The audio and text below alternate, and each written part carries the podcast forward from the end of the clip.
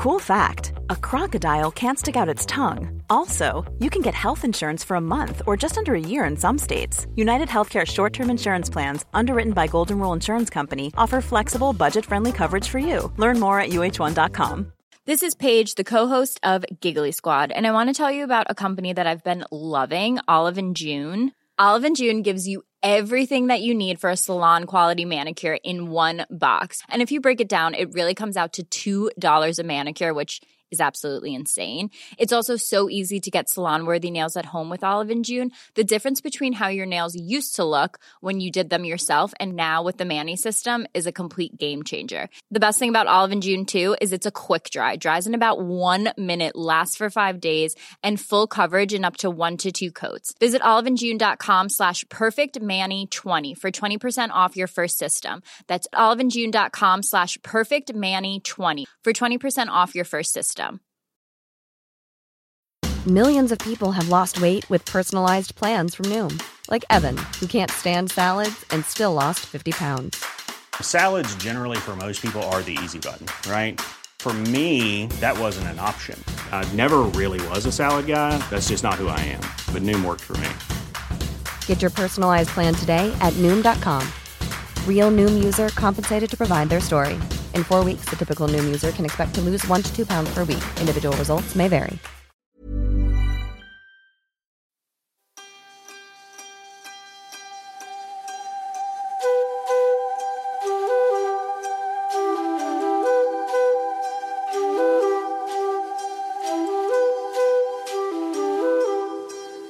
Hej och välkomna till Psykologsnack, podden där vi pratar om psykisk hälsa och psykologi. Vi som har podden är legitimerade psykologer och jag heter Åsa. Och jag heter Sandra. Och idag ska vi ju utforska vad skam är. Vi ska prata om hur det påverkar oss och vad vi kan göra för att hantera den känslan. Ja, det känns som ett väldigt eh, spännande ämne för jag tycker att eh, trots att jag har jobbat som psykolog i många år nu är skam ofta en känsla som faktiskt kommer lite i skymundan som man kanske inte eh, lägger så mycket fokus på. Nej.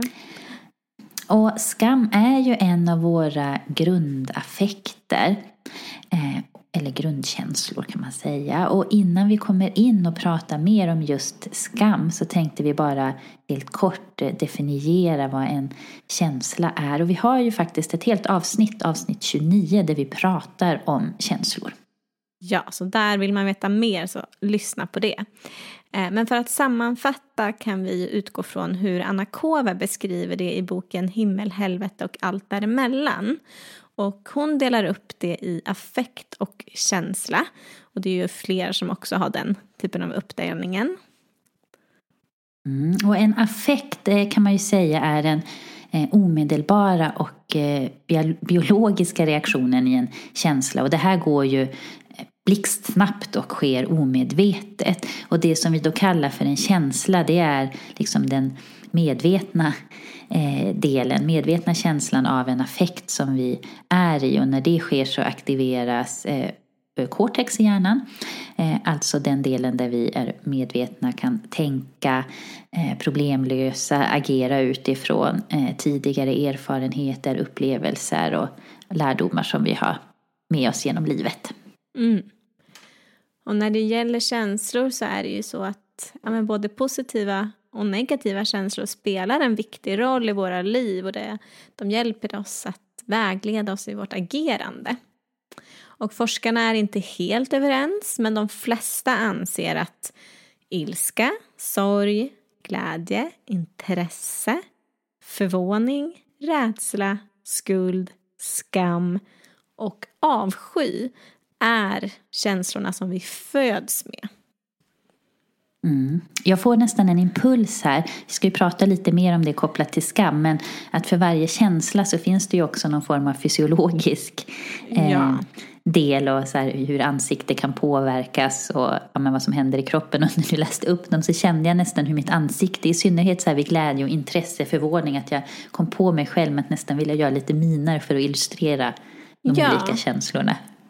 Och det är väl lite det som är det här med att det är eh, alltså så här, grundkänslor eller vad man ska säga som alla är föds med.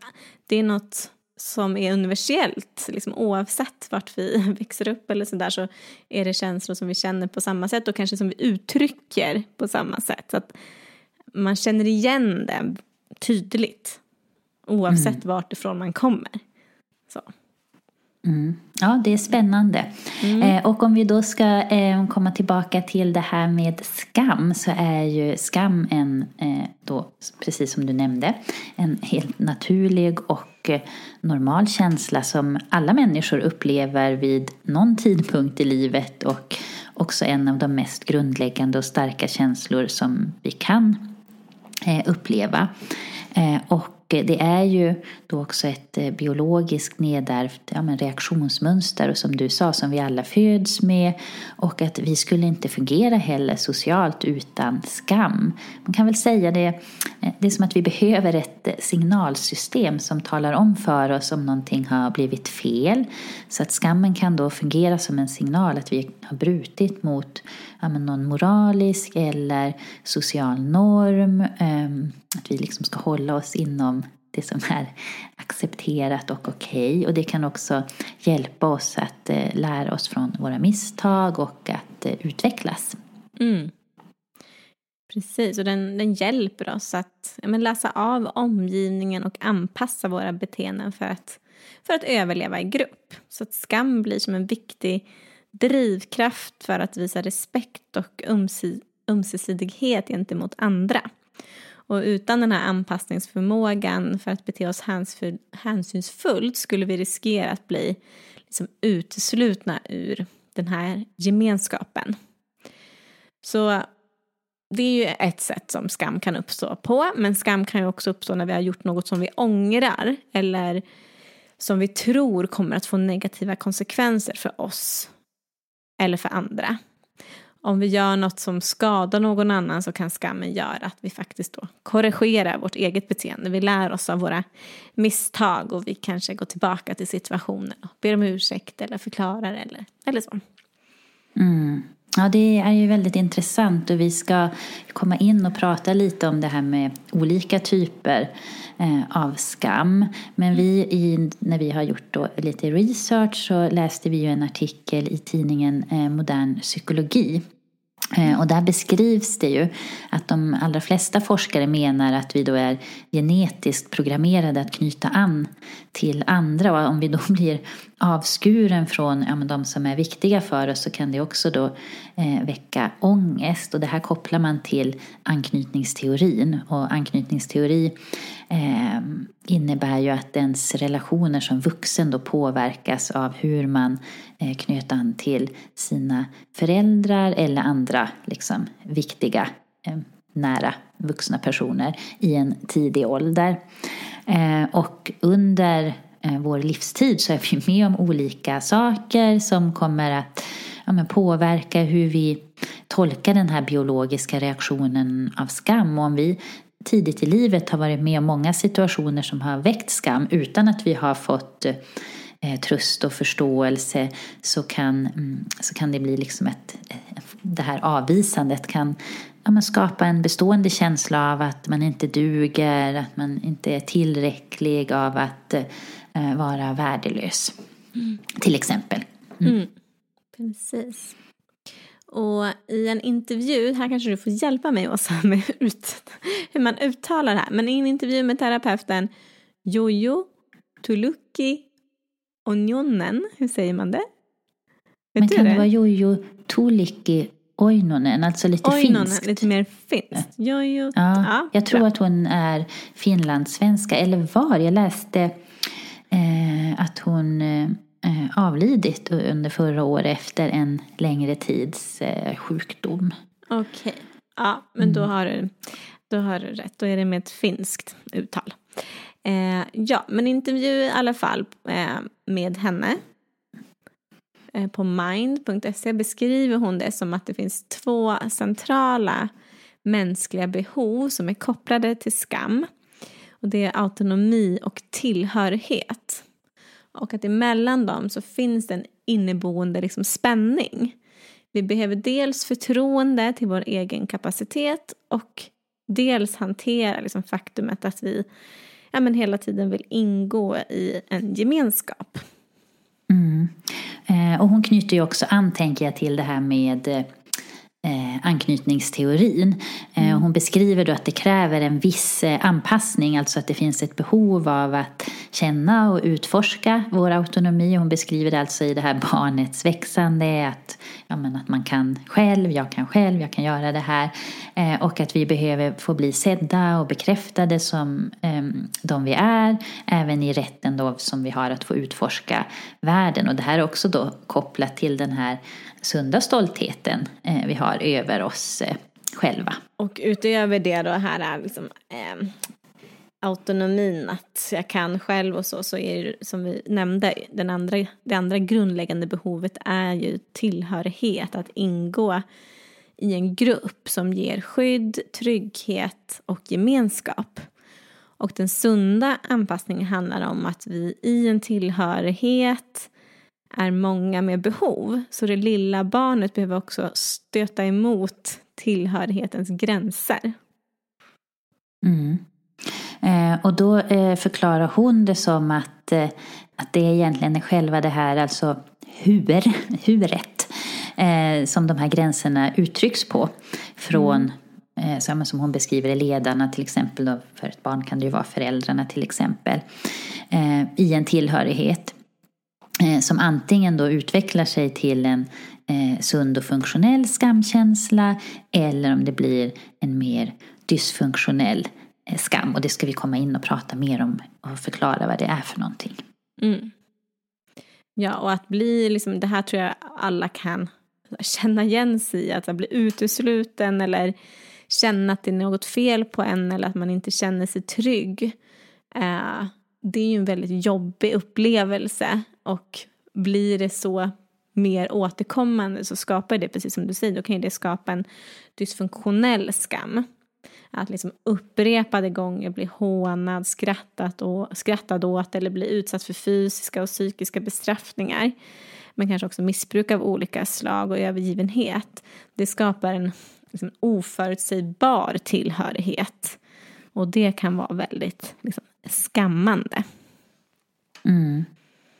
Ehm, och i den här artikeln så beskrivs ju också då att, eh, och som hon, ehm, Jojo menar att eh, barn som växer upp med eh, ett tillräckligt liksom, empatiskt inkännande vuxna utvecklar då den här sunda och funktionella skamkänslan och att då får man också hjälp att hantera sina känslor när, när skammen guidar dem i den här liksom, skiftningen, växlingen mellan utforskande av självständigheten eh, och också den här ramarna för tillhörigheten och att vara en del eh, i, i gruppen.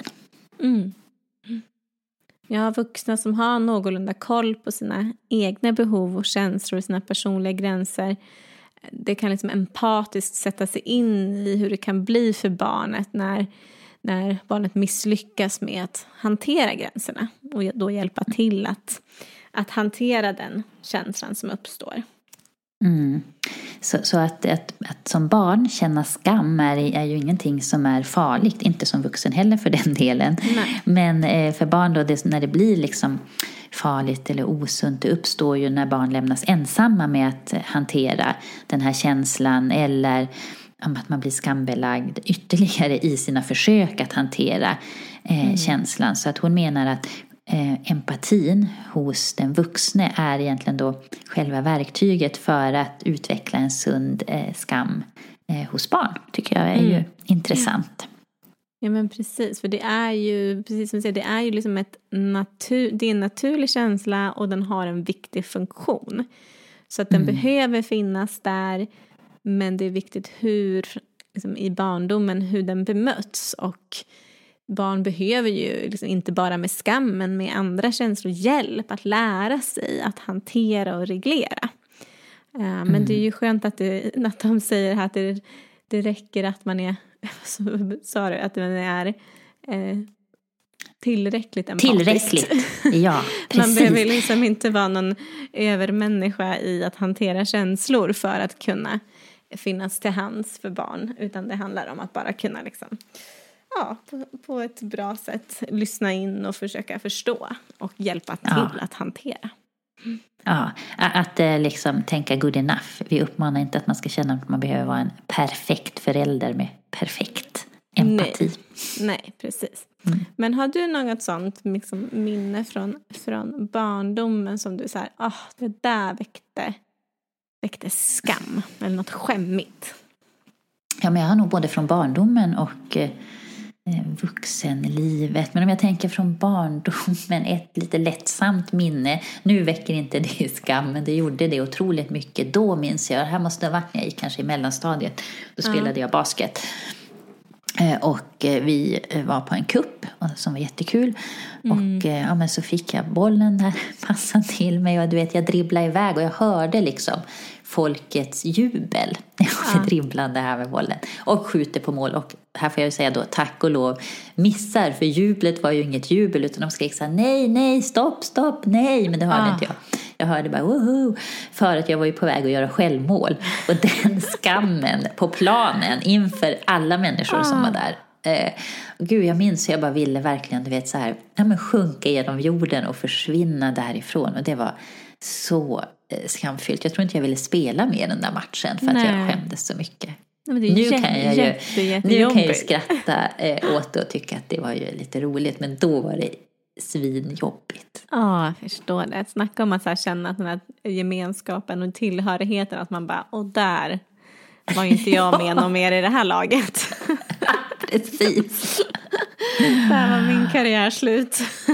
ja, som basketspelare. Den tog slut ändå. Ja. ja, nej det förstår jag. Det måste ha varit jobbigt. Kom du ihåg, kommer du ihåg hur du liksom hanterade det? Eller vad gjorde Jag Var det någon som kunde trösta dig? Eller? Jag kommer inte ihåg. Ja, men jag antar det fanns väl tränare och andra vuxna där. Sen vet jag inte Ja. hur empatiska de var. Jag minns faktiskt inte själva vad som hände efter spelet. Det här är ju Nej. ganska många år sedan. Men jag minns otroligt starkt minnet. Och det kanske Ja. också var för att skamkänslan var så stark där av eh, det där jublet och att det inte var jubel och att jag var på väg att göra självmål. Det är det som jag minns, men jag minns inte efterspelet av det hela. Mm, precis. Ja, nej. Nej, det var ju det var ett bra exempel. Har du något sånt eh, skämmigt eller Skämmigt. pinsamt minne eller något? Det behöver inte vara skämmigt eller pinsamt. Det kan ju vara andra saker som man känner skam över eller som Ja. triggar känslan av skam. Ja men alltså kanske inte lika liksom, men som fortfarande kan vara lite jobbigt det är nog den här känslan av att alltså så här, just det här med tillhörigheten att så känna att man är utanför för första gången. Då fick jag en väldig skamkänsla minns jag. Jag vet inte om jag pratat om förut men det var i alla fall när jag gick i förskolan och så var vi ute och lekte kurragömma. Jag och två till tjejer och så var det min tur att räkna. Eh, och så räknade jag då och så började jag liksom, och det här var ju liksom, det var en kul lek. Vi hade ju alla turas om liksom att gömma oss och leka så att så här, jag var ju glad och upp, uppåt liksom. Och så skulle jag börja leta och jag letade och jag letade och jag letade. Tills jag då går förbi liksom och tittar, tittar in och då ser jag att mina två kompisar har gått in. Och de leker bara de två inne. Åh nej, nu känner jag empatin här för Ja. lilla Sandra. Ja, lilla femåriga Sandra.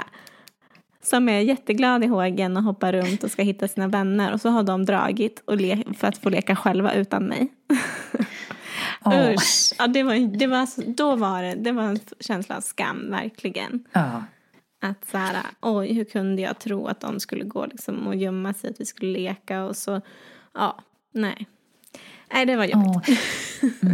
Usch, men Det, ja, blev det, näst, det blev nästan där som vi nu ska, gud jag säger ofta att vi ska komma in och prata om det hör jag här nu. Men det blir Mm. det här vi ska komma in när vi ska prata olika typer av skam. Nästan att den kanske blev för den där lilla eh, femåriga Sandra att det liksom var något fel på dig. ja. Ja, men det kände jag ju verkligen. Ja, men just så här, hur kunde jag tro att de skulle Ja, Det var dum jag är som ens trodde att jag skulle Åh. hitta dem. Liksom. Va- Varför? Ja. åh, ja, att man blir liksom, väldigt, jag blev väldigt självkritisk också då. Kände, Ja. kände mig nog ännu mindre än mina fem år. ja, ja. Så det där kommer jag ihåg tydligt. Um, att det Ja. var tydligt, alltså att jag, skäm, ja, jag, kändes, jag skämdes jättemycket. ja. Mm. Och sen finns det ju såklart, tänker jag, nu pratar vi tillbaka i tiden, men det finns ju situationer nu också där det kan dyka upp där man kan drabbas av man känner, åh oh, gud, eh, vad jobbigt ja. eh, på olika sätt. Känna hur skammen nästan eh, sköljer över en på mm. något vis. Mm. Verkligen. Mm. Men vi får se, vi kanske kommer in på lite fler exempel här eh, ja. under poddens gång. Mm. Eh, men jag tänker koppla tillbaka lite till det här som vi nämnde initialt att alla känslor har ju eh, både ett kroppsspråk och en Eh, beteendeimpuls, alltså att känslan vill få oss att reagera. Och vid skam så kan eh, vårt kroppsspråk eh, påverkas genom att vi kanske då slår ner blicken eller att man vänder bort huvudet, man får en mer ja, men, ihopsjunken kroppshållning, rodnar. Man kanske, det här tyckte jag kunde känna igen mig att man för handen över ansiktet och kände så här, oh nej gud vad hände här? Ja. Den kunde jag verkligen eh, associera till, känna igen mig när jag har känt skam. Ja men precis och det kanske också har lite den här beteendemässiga impulsen. För det som är kopplat till skam är ju att den får oss att dra oss undan. Det kan ju vara då att ja. också så försöka dölja liksom det vi har gjort. Mm. Eh, så att ja, skam kan också få oss att vilja rätta oss efter gruppens normer. Och vanliga tankar vid skam kan vara just att jag är värdelös, jag är ful, konstig, äcklig. Eller oh, hoppas ingen märker det jag har gjort eller den jag är. Det är en ganska tuff tanke ja. att ha liksom. Mm. Verkligen. Um, mm. um, vi kanske ska säga någonting också. Vad tycker du om det här lite skillnad bara eh, mellan skam och eh, skuld? Ja. Eh, för de är ju lätt att man kan liksom kanske ibland blanda ihop lite. Ehm, men att man kan säga att väldigt kortfattat att en viktig skillnad mellan skuld och skam eh, är att skuld kanske mer handlar om handlingar, alltså vad man gör, medan skam eh, kan handla mer om den man är, alltså personlighet, eh, självbild och så. Mm.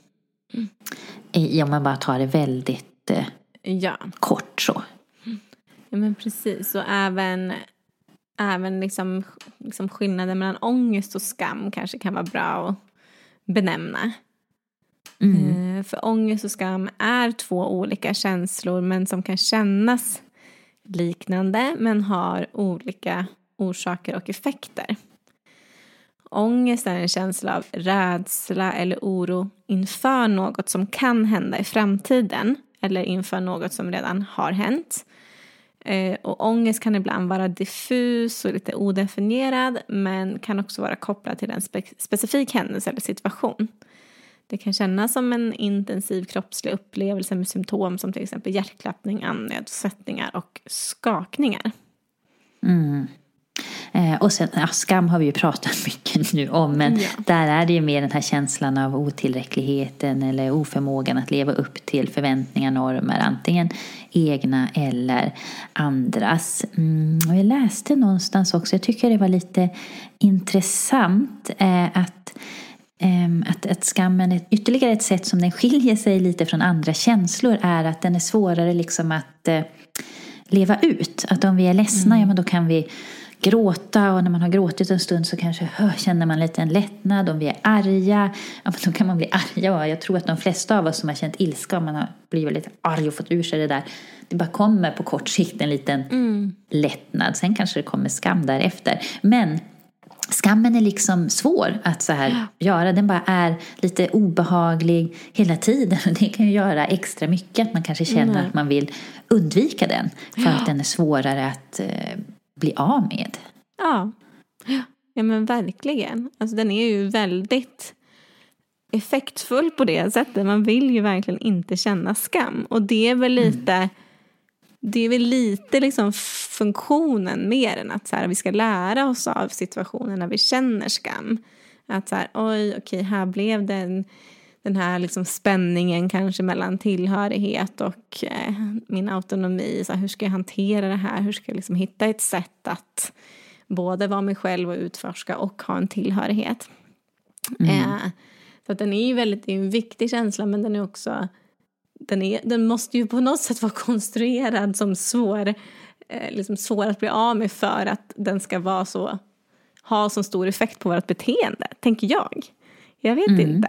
Men det är väl också som vi pratade om i avsnitt om känslor, att just det kan bli problem då för att det är så jobbigt att känna skam så att man kanske snabbare går in i en sekundär känsla till exempel. Mm. Att man blir väldigt arg eller så istället. För det är som du säger, det är lite, det är lite lättare att hantera ilska eller att vara ledsen till skillnad från skam mm. och skuld. Så. Mm. Och att där också att vi kanske då kan hantera den, leva ut den lite mer. Ja. Mm. Mm. Mm. Tänker också tillbaka till det här med eh, ångest och skam. Så kan man ju faktiskt också säga eh, att de kan ju påverka varandra.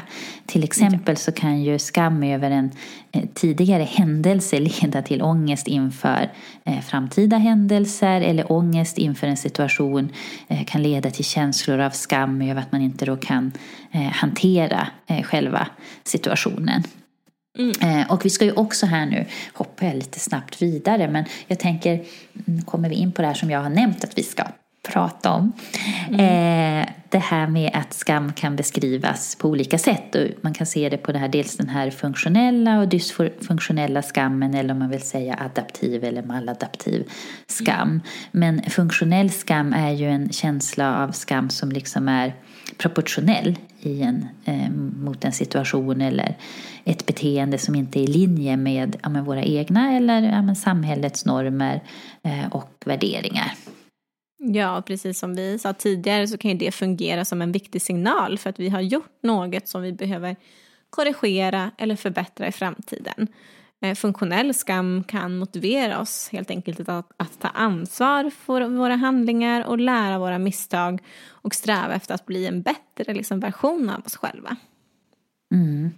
Medan då dysfunktionell skam å andra sidan är en överdriven känsla av skam som inte är proportionell mot situationen eller beteendet som har, har skett. Och det kan leda till att vi istället känner oss ja, men hjälplösa, isolerade och oförmögna att eh, hantera eh, våra eh, problem. Och dysfunktionell skam kan också då påverka vårt ja, men självförtroende negativt och ja, men hindra oss från att liksom vara närvarande och ja, men leva livet så som vi vill och att må bra helt enkelt. Mm. Så skillnaden mellan funktionell och dysfunktionell skam ligger alltså i, i graden av proportion. Eh, funktionell skam kan vara hälsosam och hjälpa oss att lära våra misstag medan dysfunktionell skam kan vara skadlig och hindra oss från att ja, växa och utvecklas som individer. Mm. Och eh, skam kan ju också delas upp i det som kallas intern, extern och eh, reflekterande skam. Eh, och intern skam är en inre föreställning eh, som man har om sig själv som till exempel ja, men, otillräcklig, misslyckad eller värdelös. Eh, och att man känner skam inför det man gör, inför den man är och det man har gjort Eh, över sina tankar eller sina känslor och det man bär inom sig. Eh, och det här är en känsla av skam som till exempel kan uppstå när vi känner oss eh, besvikna på oss själva eller vår egen prestation eller vårt beteende, när vi känner oss eh, otillräckliga, mindre värda eller som att vi inte är ja, tillräckligt bra på något. Ja, och intern skam kan vara ja, men, vara en mycket obehaglig känsla och kan påverka vårt självförtroende och självbild negativt. Om vi känner intern skam kan vi också vara benägna att ja, men, undvika situationer eller beteenden som kan leda till skamkänslor vilket kan begränsa våra möjligheter och hindra oss från att faktiskt uppnå de målen som vi vill. Mm. Eh, och den andra typen eh, av skam här då är den här externa skammen. Och extern skam kan uppstå eh, när vi tror, eh, och här kan det faktiskt vara, det kan vara faktiska, när vi får från andra, faktiska negativa omdömen eller det kan också vara våra egna tolkningar. Men när vi tror att andra människor kommer att döma oss eller avvisa oss på grund av vårt beteende eller eh, våra handlingar. Mm. Just det. Så det kan, det kan uppstå när vi känner oss misslyckade i andras ögon. Eller när vi tror att vi inte uppfyller vissa förväntningar eller ideal som samhället eller vår sociala grupp har. Eh, så då kan vi känna oss mm. liksom generade, utsatta eller som att vi förlorat ansiktet inför andra. Tappat ansiktet. Säger man förlorat ansiktet? kanske man gör. Tappat ansiktet. Ja. Eh, inför andra. Mm. Mm. Um, precis. Har du något exempel där du känner igen dig i det här med intern eller extern skam? Alltså, jag tänker på... Inget som jag kommer på. Förlåt, jag bara tänker. Bara, jag har så dåligt minne. Jag förtränger alla mina jobbiga minnen av skam. jag bara går vidare, lär mig ingenting. Eh, nej, nej, så hoppas jag att det inte är. Men du kanske har ett exempel som du kan dela med. Mm. Ja, eh, tänk, vi får väl se här, analysera lite vad det handlar om där. Men jag minns en situation, och här måste jag ha varit alltså tidiga tonår, kanske 13, 14 ish där någonstans, jag minns inte exakt. Mm. Och vi var, eh, var i, mm, hos min pappa och hans familj eh, ute i vår eh, sommarstuga och där hade vi en pool. Och den här dagen så eh, hade jag ehm, Ja men du vet, jag hade piffat mig i hår, jag kände mig så fin. Jag skulle iväg och träffa mina kompisar sen, tror jag. Och så var det en annan eh, vuxen eh, närstående där. Jag behöver inte nämna exakt vem det var och lämna ut den personen, men hur som helst. Mm. som var så här, men hoppa i poolen, bada, det är klart. Och jag var så här, nej men jag vill inte, men jag vill heller inte säga så här. För att det var för att jag eh, kände mig så fin i håret. Eh, mm, att jag hade kul. piffat mig så. Så jag liksom var väl lite undvikande, jag kommer inte ihåg exakt. Men så här, jag sa att jag inte ville bada helt enkelt. Ingen stor mm. grej, det hade ju kunnat finnas tusen orsaker till det. Eh, och, ja, det var inte mer med det, men så går jag i alla fall på, eh, på toaletten. Och då har vi ett litet eh, fönster eh, lite högre upp där och så var det öppet så jag hörde liksom ut mot eh, terrassen eh, att, ja men då sa den här personen till någon kompis eh, till hen som var där att så här bara, nej men Åsa hon är ju lite konstig och speciell eller du vet vad hon an använder oh, för ord i det. Mm. Och jag minns hur jag kände mig, du vet, så fel att det var liksom något fel på mig och ja, men, skämdes inför den här andra personen då att jag inte badade, herregud. Eh, men eh, att liksom bli ålagd den där det påverkade ja. ju verkligen mig att känna mig, ja, men då kände jag mig konstig och udda och annorlunda och började fundera, ha, men är jag kanske det då för att jag inte liksom vill bada här och så. Ja, ja alltså, ja fy, ja, jag förstår att det måste ha varit en jätte jättejobbigt just att så få höra när någon pratar om en. Ja. På det sättet när de tror att man inte hör heller. Ja. Usch. Och den åldern också som sagt som är det. Alltså, ja. man, man, är känslig. man är känslig och man vill passa in och man vill liksom vara omtyckt. Alltså det vill man väl alltid. Men ja, Nej, men precis. Det är frågan så här, är det extern skam då? Ja, precis. Det känns ju som att jag blev ålagd den Ja. På något vis. Eh, alltså, eller, men att det var ett omdöme från någon annan. Men det mm. påverkade ju mig och mina, liksom, min upplevelse av mig själv. Att, det liksom, ja. att börja ifrågasätta. Att är jag annorlunda? Är jag lite konstig kanske? Ja. Eh, vad är det? Du vet. Mm. Det skapade i alla fall en, en obehaglig känsla i mig, minns jag, eh, från badrummet där. Ja. Precis. Det kanske påverkade, skulle du säga att det påverkade din självbild? Mm. mm. Faktiskt. Mm. Um, och vi kanske ska, en fin liten övergång här, mm. tänker jag. Vi kanske ändå ska göra en, en liten, um, prata lite om självbild. Um, bara för att uh, Ja men det är ju intressant och lite så här vad det är för någonting. Och vår självbild man kan väl säga att det är eh, den samlade bilden vi har om eh, vem vi är och att det kan ses som en liten sammanfattning av vår självkänsla som vi har ett avsnitt. Vårt förra avsnitt det var väl självkänsla? Nej, det var när Nej, relationen tar slut. Ja. För, förra, ja. Eh, självförtroende i kombination med vår personlighet, ja, men de erfarenheter vi har, intressen, relationer och vår omgivning. Eh, så att självbilden handlar om ja, men hur man ser på sig själv eh, men den kan också då påverkas av, apropå mitt exempel, ja. hur vi blir bemötta av andra. Ja men precis. Ja det, ja, det måste ju bli alltså påverkat, förhoppningsvis inte så länge, men under en stund absolut så borde du ha fått, din självbild borde ha fått sig en liten knuff åt något håll liksom. Ja. Uh, och personer som har en negativ självbild lägger mycket av sitt fokus och sin energi på negativa aspekter av sig själv och sina liv. Eh, självbild stämmer inte alltid överens med andras bild av oss. Och det är naturligt eftersom att självbilden är just en sammansättning av olika faktorer som inte alltid är kanske kända för andra eller för oss själva för den delen. Mm. Mm. Ehm, mm, det är intressant det här med eh, självbild och ja, men, självkänsla och eh, de delarna också relaterat till det här med skam.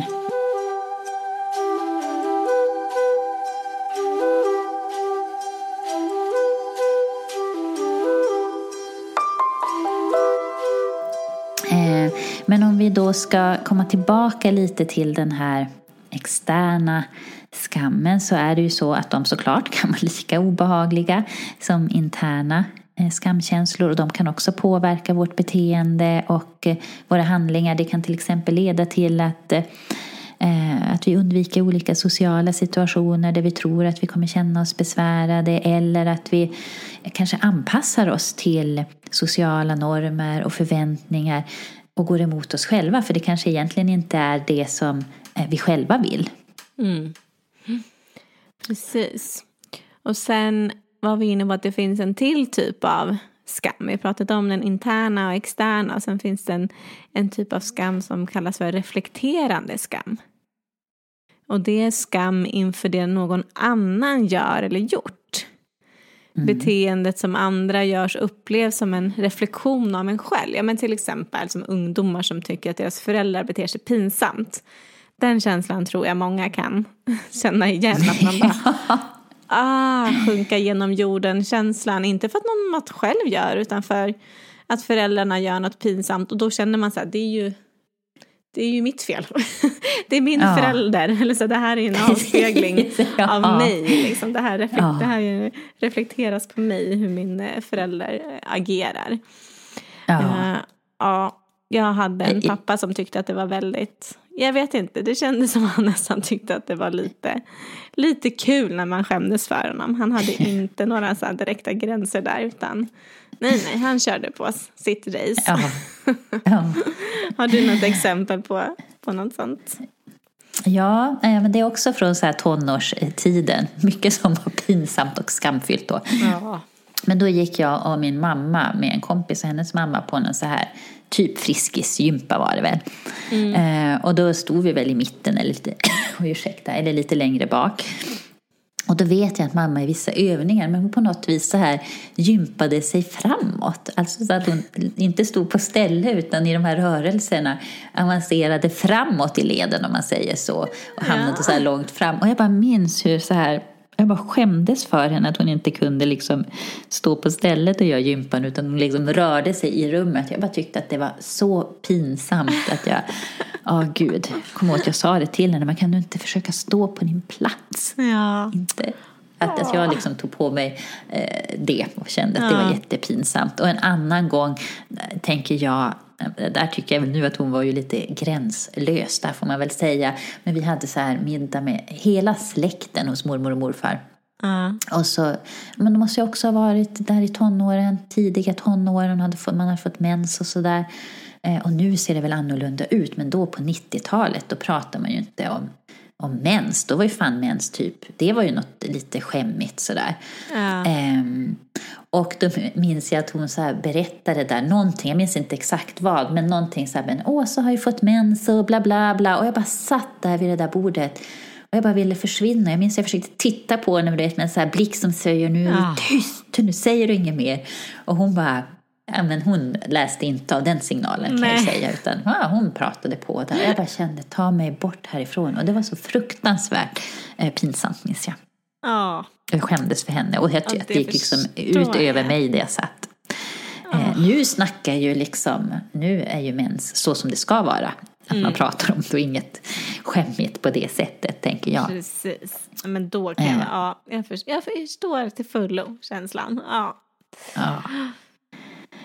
Ehm, ja men så det är väl lite så. Sen funderar den här reflekterande skammen, är den också då som man kan ibland, du vet när man tittar på tv och så tar man fram skämskudden för man känner Ja. så här, aha nej nej nej gör inte Nej, det inte så. Ja. Eh, och då är det ju inte ens en person man känner utan någonting man tittar på men när det bara blir så här Ja. otroligt pinsamt så att man känner att nej men jag klarar nästan inte av att, att titta på det där. Ja, men det måste Ja, Alltså jag har haft den känslan för saker jag själv har gjort men nu kan jag inte komma på något exempel. Det jag verkligen känner att man vet så här, det bara kommer över hela kroppen. Man vill typ ta en kudde och bara gömma sig bakom för Ja. att det bara äh, är så jobbigt. Men jag tänker Ja, just men- med tv, blir det lite reflekterande skam där då? Ja, men precis. Jag tänker också någon Eller- gång när man har varit på någon så bröllop eller det är någon som håller ett tal som känns ja. väldigt så här, nej, inte så passande eller liksom verkligen. Då mm. kan man ju också känna den här känslan av bara, åh, man själv vill sjunka genom jorden fast det är, det är inte man själv som gör någonting. Men det Ja. blir det här, det blir liksom en reflektion på något sätt och, man, och känslan blir li- väldigt stark ändå. Ja, Det är intressant. Ja. ja. Verkligen. Ja. Yes. Nej, det är spännande eh, när Ja. man börjar klura och tänka på det här med, med skam och Ja, olika typer funkar. av skam och hur det eh, påverkar oss. Mm. Men Mm. em, i den här artikeln då i modern eh, psykologi så beskrivs hur skammen kan få oss att ta till olika strategier för att undvika rädslan att inte bli liksom godkänd och omtyckt, att inte duga som vi är. Eh, och det triggas av att vi vill, ja, men vi vill undvika exponering av sårbarhet eller värdelöshet och misslyckande. Och det här liksom illustreras med hjälp av någonting som kallas för skamkompassen. En karta över liksom våra försvarsreaktioner som, som togs fram av en amerikansk forskare som hette Donald Nathanson på 1990-talet. Precis, och man kan väl tänka de här försvarsreaktionerna att det blir någon form av, man kan också kalla det lite, tänker jag, så här, säkerhetsbeteenden kanske Ja. som man ägnar oss åt. Men den här kompassen är ju i alla fall precis som eh, det låter, en kompass som visar de här mm, riktningarna eh, med fyra olika typer av beteenden då, eller eh, strategier som vi kan använda för att komma undan den här skamkänslan. Och den första strategin mm, som beskrivs är då att attackera sig själv. Eh, alltså att man har ett självförakt eller kanske någon form av självdestruktivt beteende. Och apropå det här då med att attackera sig själv så lyssnade jag på en föreläsning där man tog upp det här med självkritik och där man då menar att självkritik är en form av internet, eller att det är en form av en internaliserad, svårt ord, strategi för att hantera skam och att det kan då utvecklas när det kanske har funnits någon annan som har varit hotfull eller i maktposition som gör att vi istället riktar kritiken mot oss själva. För att om vi skulle rikta kritiken mot den här andra personen så riskerar vi att relationen kan ta slut och då tar vi på oss eh, ansvaret eh, och kritiserar oss själva för att på så vis kan vi liksom förhindra konflikter och ja, men förhindra att eh, man tänker grundfunktionen att bli utesluten från gruppen, Ja. att relationen tar slut. Det är lite intressant. Ja, jätteintressant. Att det, är liksom, ja, det är en strategi. Ehm, Och självkritik kan ju också användas i förebyggande syfte genom att man övervakar sig själv och, har, och anpassar sitt beteende så kan vi anpassa oss efter andras preferenser. Eh, men det här kan ju dock leda till problem för oss genom att det i förlängningen kan ge känslor av självhat, förakt, eh, äckel eller att man blir väldigt ältande och orolig och känner mycket frustration. Mm. Starka liksom. Starka känslor, starka ord. Verkligen. Mm. Och nästa eh, strategi i den här kompassen handlar om att att eh, attackera andra, alltså att man skyller på andra, eh, att man är taskig mot andra, man kanske hånar, man kanske har en aggressiv, aggressiv stil, ett aggressivt eh, beteende. Mm. Det, blir, alltså det låter ju väldigt så defensivt på något sätt. Att så här, mm. starkt försvar, alltså så här, man försvarar sig själv på något sätt. Och då mm. vänder man det istället mot andra. Ja, för att mm. undkomma den här känslan av skam, ja. för den är så jobbig att känna. Precis. Och då mm. andra så pratade, har vi ju pratat lite om att så här, jag menar att dra sig undan. Eh, att man drar sig undan andra, man kanske gömmer sig på olika sätt eh, från omvärlden vilket kan leda till att man till och med utvecklar social fobi. Mm. Ehm, och sen eh, den sista strategin som är med i kompassen handlar om att ja, men vi försöker undvika den här negativa känslan genom att eh, döva den eh, på olika sätt. Genom att få kickar genom till exempel jobb, prestationer, det kan vara droger, ehm, mat, sex ehm, och så vidare. Mm. Ja, återigen en otroligt stark känsla som man inte vill känna. Så att de här strategierna kan man ju verkligen förstå. Eh, så. Mm. Eh, och ju mm. jobbigare skamkänslan är, desto längre ut på de här pilarna i den här kompassen hamnar man. Alltså desto mer använder man sig av strategin. Och det kan man ju förstå ja. att det kanske inte alltid blir så bra. Mm.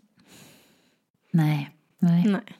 Ja, men det är intressant. Ett intressant sätt att se på det också och eh, mm. att börja förstå hur, hur skam kan påverka ja, men ganska många av våra beteenden och på olika sätt när vi hamnar mm. i de här säkerhetsstrategierna. Mm. Försvarsstrategierna. Mm. Um, ja, men vi kanske också då ska liksom börja runda av lite med att prata kring hur man kan hantera skam på ett mer hjälpsamt eh, sätt. Och målet med skam, som med alla känslor, är ju inte att bli av med den utan att eh, faktiskt lära känna den för att på så vis också kunna hantera den bättre. Ja. Eh, så liksom att man ska börja förstå sina känslor. Eh, och då kan man börja med att identifiera och liksom sätta ord, ord på känslan.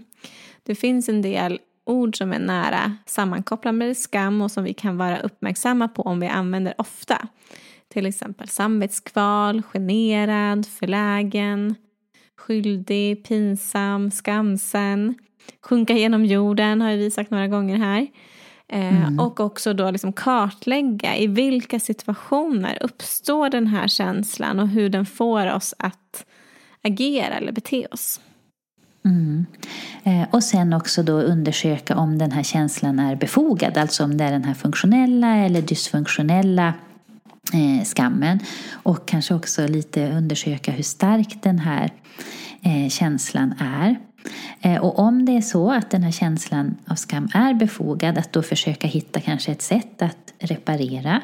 Eh, mm. Att kanske prata om situationen, det kanske är så att man behöver be om ursäkt eh, för någonting som man har gjort eller så.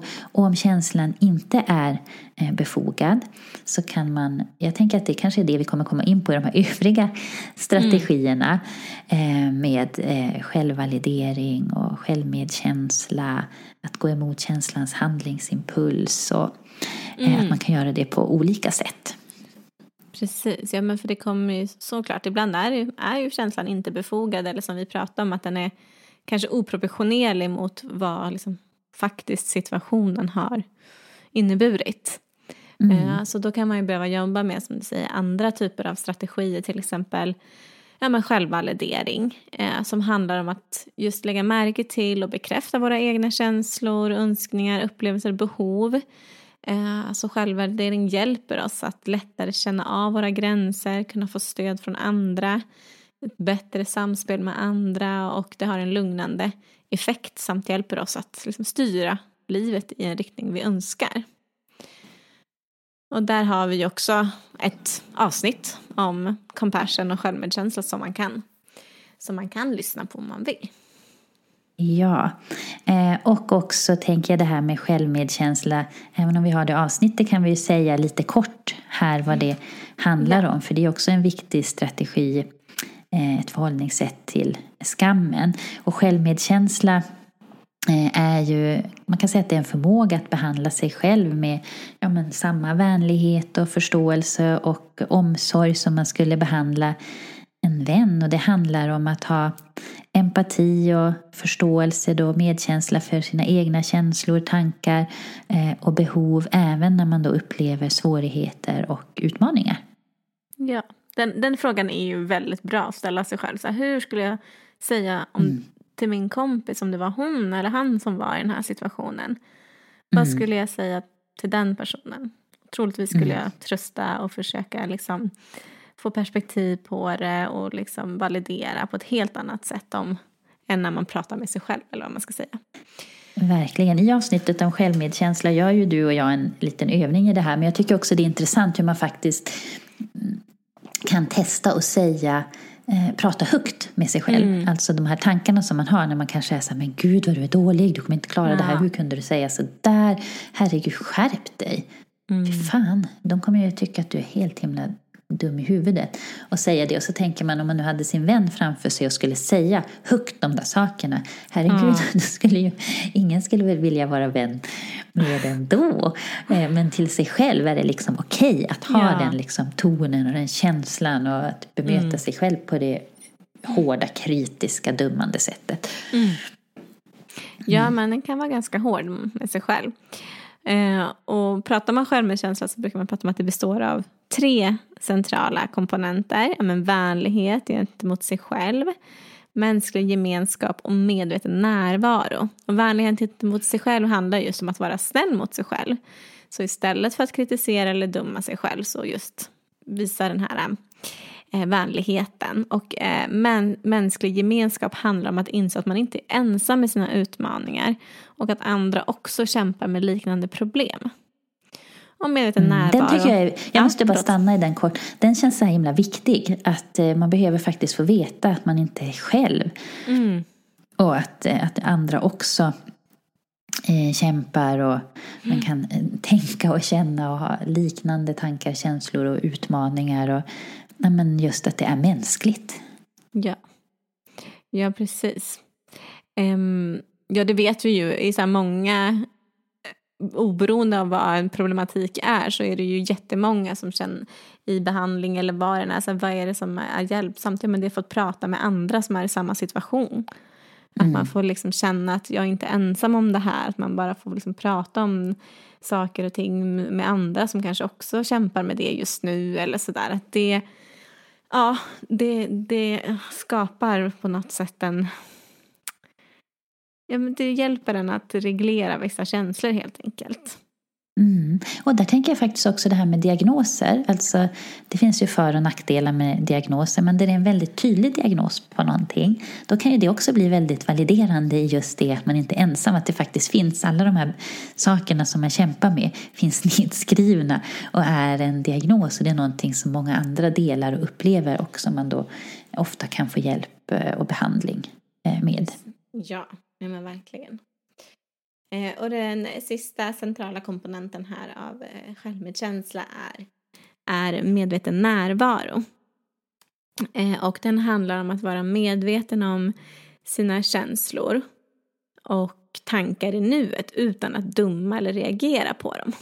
Och som sagt, mm. vill man veta mer om det här så kan man ju lyssna på vårt avsnitt 12 om compassion. Mm. Har vi något eget avsnitt om, om medveten närvaro? Jag tror inte det va? Nej, det tror jag inte. Nej, kanske kan vara något för framtiden. Ja. Ja. Eh, nåväl, eh, kan säga kort också ytterligare eh, ett sätt som man kan använda för att eh, hantera skam kan ju vara det här med eh, att gå emot känslans handlingsimpuls, alltså att agera, det har vi varit inne på, lite mm. tvärt emot, som kan handla om att sträcka på sig, söka ögonkontakt, säga ifrån, stå upp för sig själv och sina behov, såklart med respekt för att andra också har behov eh, och känslor. Så där kommer man ju in på det här som man kallar sund självhävdelse. Och där, det här är som en liten eh, reklamavsnitt Ja. för andra avsnitt. Men där har vi ett avsnitt, eh, avsnitt åtta och som jag vet är väldigt uppskattat av eh, många. Eh, och där har vi lite roliga exempel också om jag inte kommer ihåg fel. Eh, som handlar om just eh, sund självhävdelse och, och att sätta gränser. Just. Mm. Och eh, man kan också jobba med att närma sig mer positiva känslor. Som till exempel då glädje, lycka, tillfredsställe och, tillfredsställelse och kärlek. Eh, men positiva känslor kan ju också vara förenade med skam.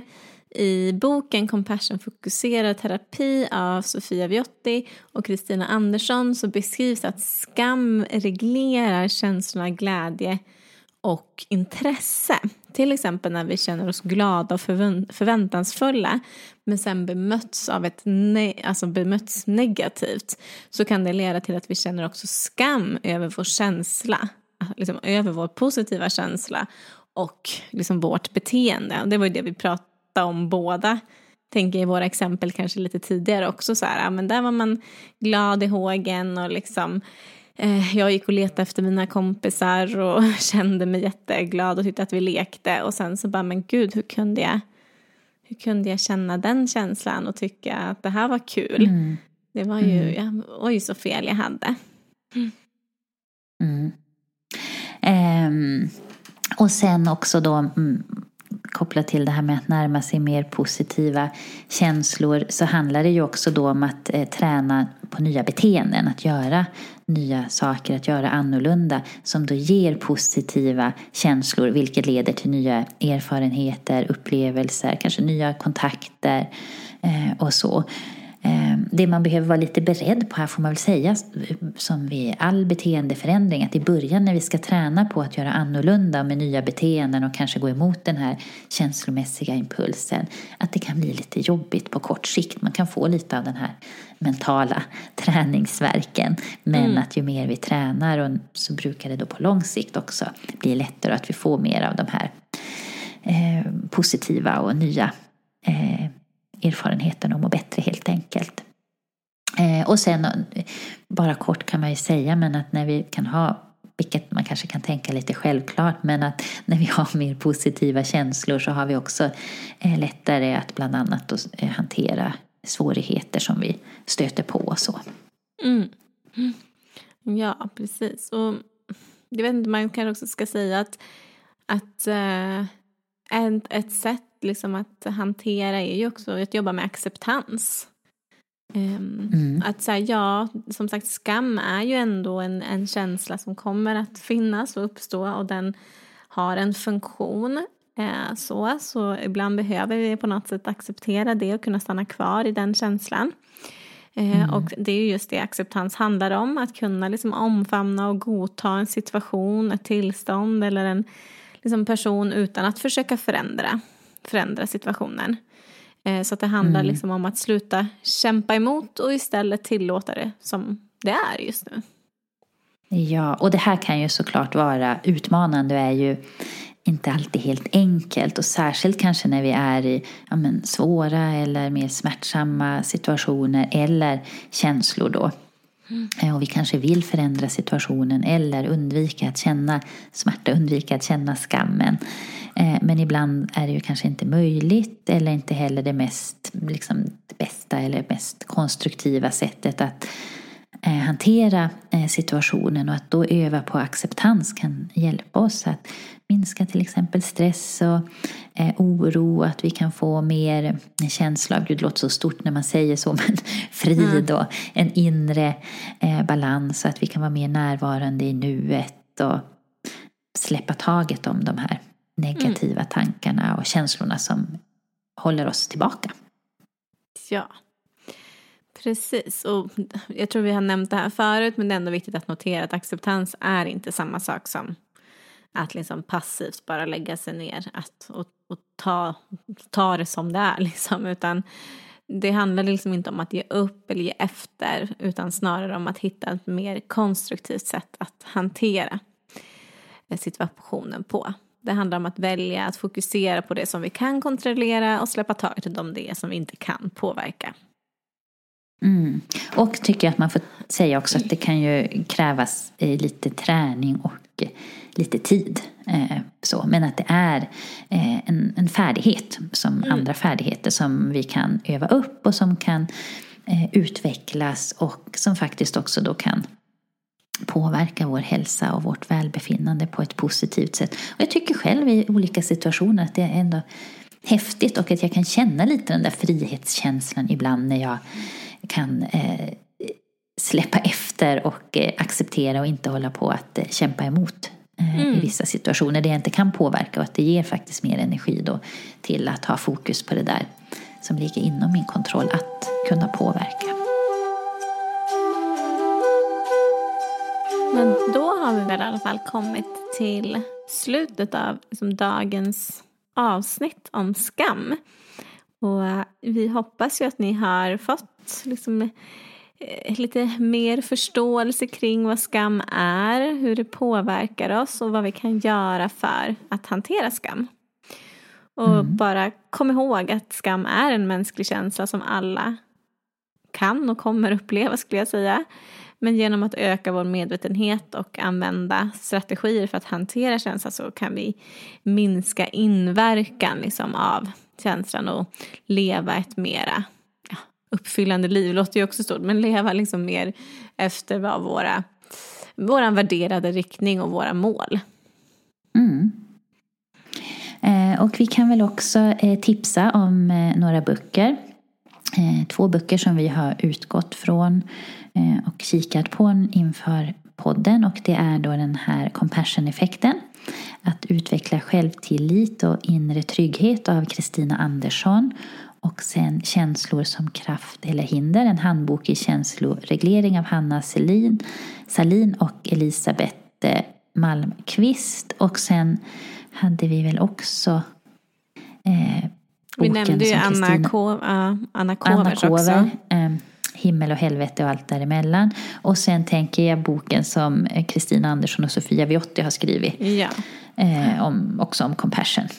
Okej, men eh, bra. Tack för idag. Och vi vill ju gärna att, eller vill du säga något mer Åsa?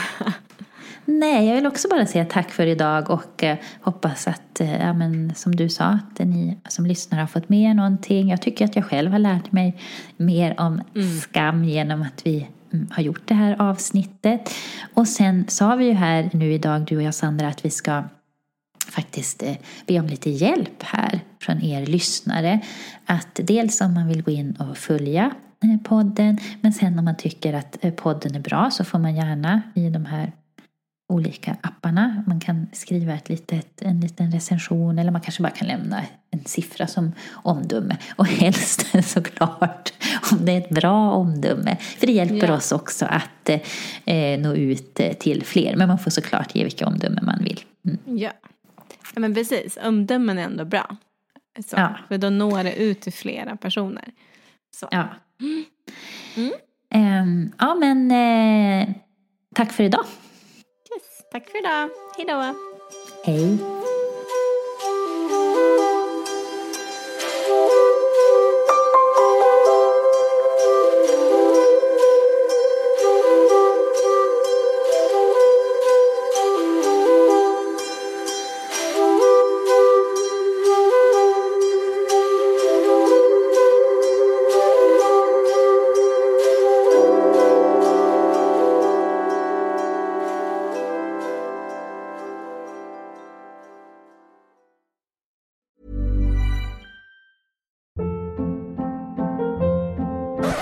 Up. What was that? Boring. No flavor. That was as bad as those leftovers you ate all week. Kiki Palmer here, and it's time to say hello to something fresh and guilt-free. Hello Fresh. Jazz up dinner with pecan-crusted chicken or garlic butter shrimp scampi. Now that's music to my mouth. Hello Fresh. Let's get this dinner party started. Discover all the delicious possibilities at hellofresh.com.